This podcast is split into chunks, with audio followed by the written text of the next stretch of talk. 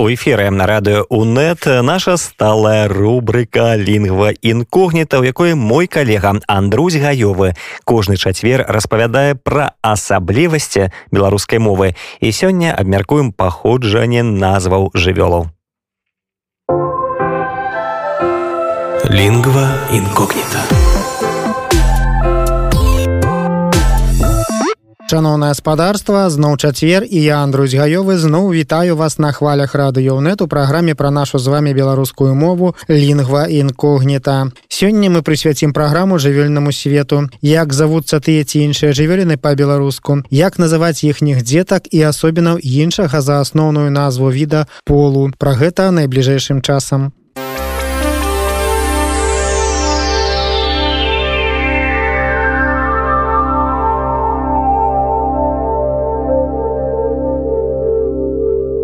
У беларусаў свая даўняя і адметная традыцыя называння жывёлаў, якая адрозніваецца ад суседскіх. Але калі некаторыя беларусы пачынаюць вяртаць сабе нашу нацыянальную ідэнтычнасць і карыстацца нашай мовай у побыце, часта падчас аповедаў пра жывёлаў робяць памылкі, якія збольшага выкліканыя расійскамоўным асяроддзем. Каб такіх памылак не дапускаць, давайте разбярэмся, хто з жывёлаў як у нас завецца. Найперш слова жывёлы гэта агульная назва. Ёсць яшчэ ў нас і зборны назоўнік для называння ўсіх гадаванцаў, якіх, напрыклад, напрыклад трымаюць у гаспадарцы жывёла. А одна асобіна гэта жывёліна. З навуковага гледзяшча жывёлы гэта не толькі млекакормячыя альбо сысуны але і іншыя жывыя істоты птушки рыбы паўзуны ці земнаводныя насякомыя ды мікраарганізмы. Але мы спынімся на словах якія тычацца млекакормячых якіх яшчэ называюць сысуны. Бо гэтыя жывёліны выкормліваюць сваіх нашчадкаў малаком што ўтвараецца в адпаведных органах самак. Нашчадкі адпаведна тое малако з суть альбо смокчуць. Менавіта таму адзін з варыянтаў назваў засведчаных у беларускай навуковай тэрміналогіі ў двадцатыя гады мінулага стагоддзя сысуны. І менавіта млекакормячых яшчэ называюць звяры. Жывёлы бываюць свойскія хатнія і дзікія. Дзікія жывёлы як не цяжка здагадацца жывуць у дзікай прыродзе. У лясах мызах вадаёмах на лугах і палях і зрэшты ў гарадах таксама. Свойскія гэта жывёлы якіх чалавек прыручыў для атрымання з іх нейкай карысці. Звычайна яны жывуць побач побач жытлом чалавека в адмысловых пабудовах хлявах ці будках. А хатнія жывёлы гэта тыя якія жывуць непасрэдна ў хаце чалавека. Раней гэта былі амаль толькі каты але в апошнія гады такімі сталі яшчэ і многія сабакі а таксама пацукі мышы хамякі свінні ды іншыя. Давайте ўзгадаем якіх жа мы ведаем свойскіх жывёлаў і як завуцца іхнія маладыя істоты ці істоты іншага полу чым той які даў назву жывёліне конь. Гэта асноўная назва віду. У асноўным под гэтай назвай канешне маецца на увазе свойскі конь. Але ж ёсць і дзікія коні. У белвежскай пушчы напрыклад жывуць дзікія коні тарпаны. А на поўдні беларусі у палескім радыяцыйна-экалагічным запаведніку не так даўно з'явіліся коні пржавальскага. Самка коня кабыла а малады конь жарабя корова. У гэтага віда в адрозненне ад коня менавіта самка з'яўляецца як бы асноўным прадстаўніком бо ў гаспадарках беларусаў корова здаўна была асноўнай жывёлай а ейны самец бык. Былі раней яшчэ і адмысловыя быкі ролі якіх была не пакрыццё карова каб тыя наражалі малых а выкарыстанне в якасці цяглавай сілы. Іх кастрыравалі і тады яны рабіліся валамі а маладая корова цяля яно можа быць цялушкай альбо бычком. Свіння таксама асноўная назва віду а ейны самец кабан. Кабан якога захоўваюць для працягу роду кныр. А маладая свіня парася сабака. Гэты назоўнік у нашай мове мужчынскага роду. І звычайна пад ім маецца на ўвазе самец. Малады сабака шчаня альбо як варыянт сабачаня. Авечка. Яе самец баран а іхняе дзіця ягня. Трусы. Гэта не толькі каштоўны мех і гэта вядома ж не толькі прадмет ніжняй бялізны а найперш гэта вушатыя пухнатыя стварэнні якіх у наших краях трымалі ў гаспадарцы. А в Аўстраліі яны жывуць дзіка. Самка труса трусіха а дзіця трусяня. Кот. У нашай нашай мове менавіта самец з'яўляецца носьбітам асноўнай назвы віду. Акрамя свойскіх катоў у беларусі яшчэ жыве дзікі лясны кот і чаротавы кот. І па-беларуску мерапрыемствы дзе высвятляюць якасці гэтых жывёл называюцца менавіта паводле назвы віду выстава катоў ад назвы віду кот утвораная назва самкі котка. І назва маладой жывёлы кацяня часам можна пачуць ці прачытаць і назву самкі кота ідэнтычную расійскай кошка але такое чаргаванне каранёвых зычных т і ш у нашай мове нічым не апраўданая з хатніх жывёлаў якія не трапілі ў катэгорыю свойскіх узгадаем хіба што пацука зараз іх трымаюць у клетках на пацеху і дзеля занятку догляду за жывой істотай самка пацучыха а малое пацучаня таксама родзіш пацука сямейства грызуноў мыш Тут у нас няма адрозных назваў для самца і самкі, а малое мышаня. Увогуле, мабыць, вы заўважылі, што ў нас назвы маладых істотаў звычайна ўтвараюцца праз дадання суфікса аня Аня. Такая ж схема і для дзікіх жывёлаў. Воўк, самка ваўчыха, маладая жывёліна ваўчаня, вожык вожачыха важаня. Цікава з жывёліны самец якой завецца ліс. Гэта асноўная назва віду, а самка ліса ліса, дзіця ж іхняе лісяня дзікая свіння як від у нас завецца дзік а ягоная маладая істота дзікая парася. А вось вавёрка яна і самка вавёрка і самец вавёркі а малое ваверчаня. Мядзведь медведзяня заяц зайчаня казуля звярніце ўвагу што по-беларуску праз казуляня рысь рысяня бабёр бабраня зубр зубраня. Ну просто як у калыханцы выкананні данчыка тут табе і зубраня і ваверчаняты.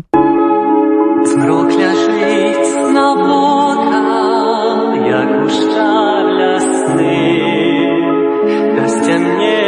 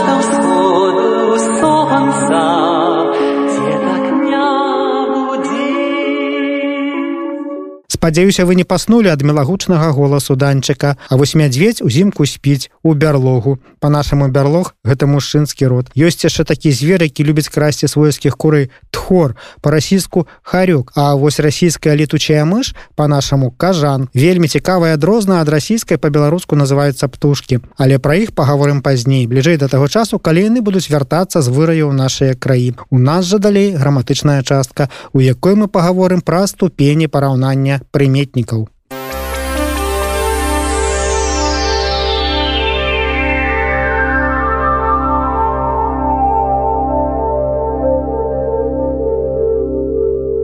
ступені параўнання могуць утвараць толькі якасныя прыметнікі тыя якія абазначаюць нейкую якасць альбо прыкмету прадмета ці з'явы якая можа праяўляцца ў большай ці меншай ступені. Ступені параўнання прыметнікаў могуць мець простую і складаную форму. Існуюць дзве ступені параўнання вышэйшая і найвышэйшая. Простая форма вышэйшай ступені параўнання ўтвараецца двума спосабамі. Даданнем да прыметніка суфікса эйш салодкі саладзейшы высокі вышэйшы альбо заменай кораня і даданнем суфікса ш вялікі большы добры лепшы. Складаная форма вышэйшай ступені параўнання прыметніка ўтвараецца ад асноўнага прыметніка пры дапамозе словаў больш ці болей менш ці меней больш салодкі менш цвёрды. Нельга больш саладзейшы ці менш цвярдзейшы. Вышэйшая форма параўнання можа ўжывацца толькі для параўнання ступені праявы прыкметы ў розных прадметаў. Напрыклад гэтае крэсла вышэйшае за тое алесь маладзейшы за міколу. З гэтага вынікае што звыклая под уплывам расійскай мовы фраза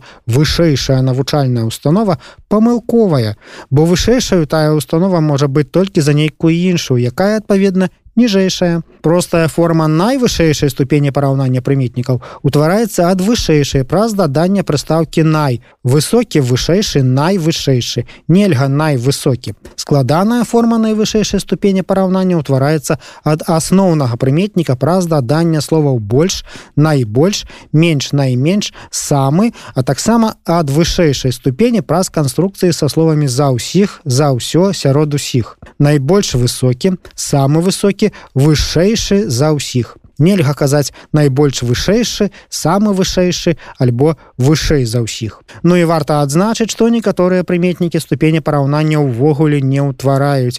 Гэта адносныя і прыналежныя прыметнікі. Вучнёўскі татаў аленін складаныя прыметнікі бела-чырвоны прыметнікі са азначэннем непаўнаты якасці белаваты прыкметы якія не могуць праяўляцца ў большай ці меншай ступені жывы напрыклад. Ну ці цяжарная. Прыметы якія абазначаюць масці жывёлаў вараны. І прыметнікі якія абазначаюць колеры праз сувязь з назвамі нейкіх прадметаў. Вішнёвы малінавы крэмавы бэзавы. Ну і на гэтым на сёння ўсё. Я Андрусь гаёва кажу вам да сустрэчы на абшарах нашай мовы у наступны чацвер. Лінгва інкогніта